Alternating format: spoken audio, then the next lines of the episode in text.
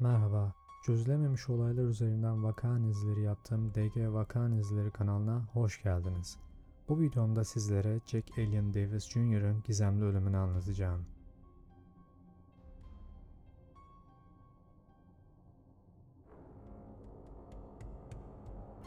Indiana Üniversitesi'nde ikinci sınıf öğrencisi olan 20 yaşındaki Jack Davis Jr., 16 Ekim 1987 Cuma gecesi kardeşlik kardeşleriyle bir partiye katılır.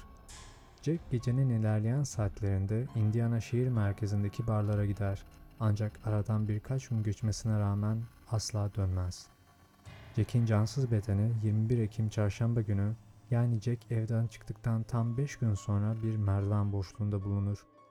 Yetkililer Jack'in idrar yapmak için merdivenlere inerken zehirlenme durumundan dolayı kendinden geçerek kazara öldüğünü düşünüyorlardı. Peki olay gerçekten böyle mi olmuştu? Vakayla ilgili çalışmalar yapan doktor ölümün kaza olduğuna karar verdi ve cumartesi sabahı erken saatlerde ölündüğünü rapora işledi. Ancak ailesi bundan emin değildi ve olayın peşini bırakmadı.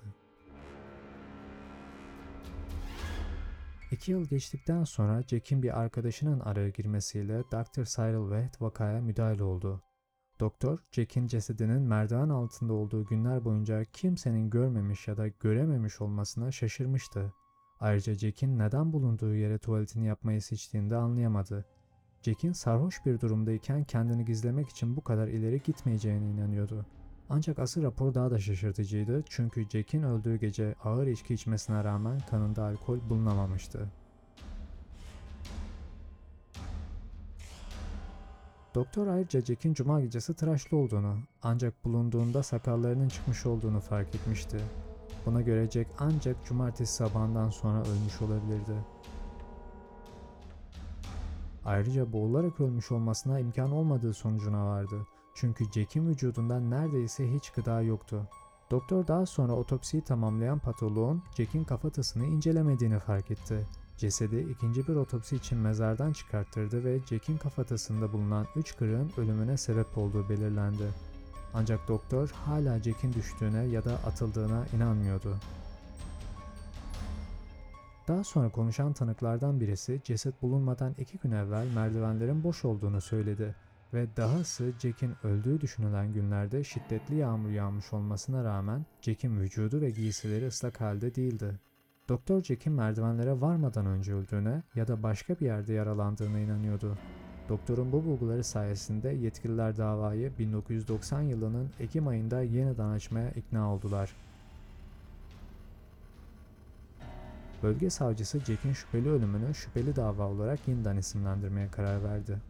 Ancak yeni kanıtlar da yetersiz kalmıştı. Bu sebeple dava yetersiz delillerden ötürü kapatıldı. Yetkililer Jack'in ölümünün kaza olduğuna inanıyor. Ancak doktor ve Jack'in ailesi hala yeni bilgilerin ortaya çıkmasını ve üniversiteden birinin bu bilgiyi polise ulaştırmasını umuyor. Gelin hep beraber teorileri inceleyelim. Jack'in ölümünde kimse şüpheli görünmüyordu. Ancak muhabir Marlin Brennan bu ölümün iki kardeşlik arasındaki bir kan davasının sonucu olabileceğini dile getirmişti. Birkaç görgü tanığına göre ise o gece kampüste en az 5 kavga olmuştu ancak bunlar olağan şeylerdi. Marlin Jack'in bir olaya karıştığına ve yaralandığına inanıyordu. Jack yaralarına yenik düşüp son nefesini verdiğinde merdiven boşluğuna bırakılmıştı. Ancak Marlin'in bu teorisi hiçbir zaman doğrulanamadı. Marlin birkaç öğrenciyle röportaj yaptı ve Jack'in kardeşliği Sigma Tau Gamma'nın üniversite tarafından resmi olarak tanınmadığını öğrendi. Bir iddiaya göre bu kardeşlikte sevilmeyen üyeler vardı. Bir başka iddia ise Jack'in abisinin kampüsteki büyük kokain satıcılarından biri olduğu üzerineydi. Kardeşlik kardeşlerinin onun ölümüne karışıp karışmadığı hala bilinmiyor. Tüm bilinenlere rağmen sadece bir barman Jack'e içki servisi yaptığı için suçlandı. Ancak zanlıya yönelik suçlamalar daha sonra bir tanığın kendisini mahkemede tanımaması üzerine geri çekildi.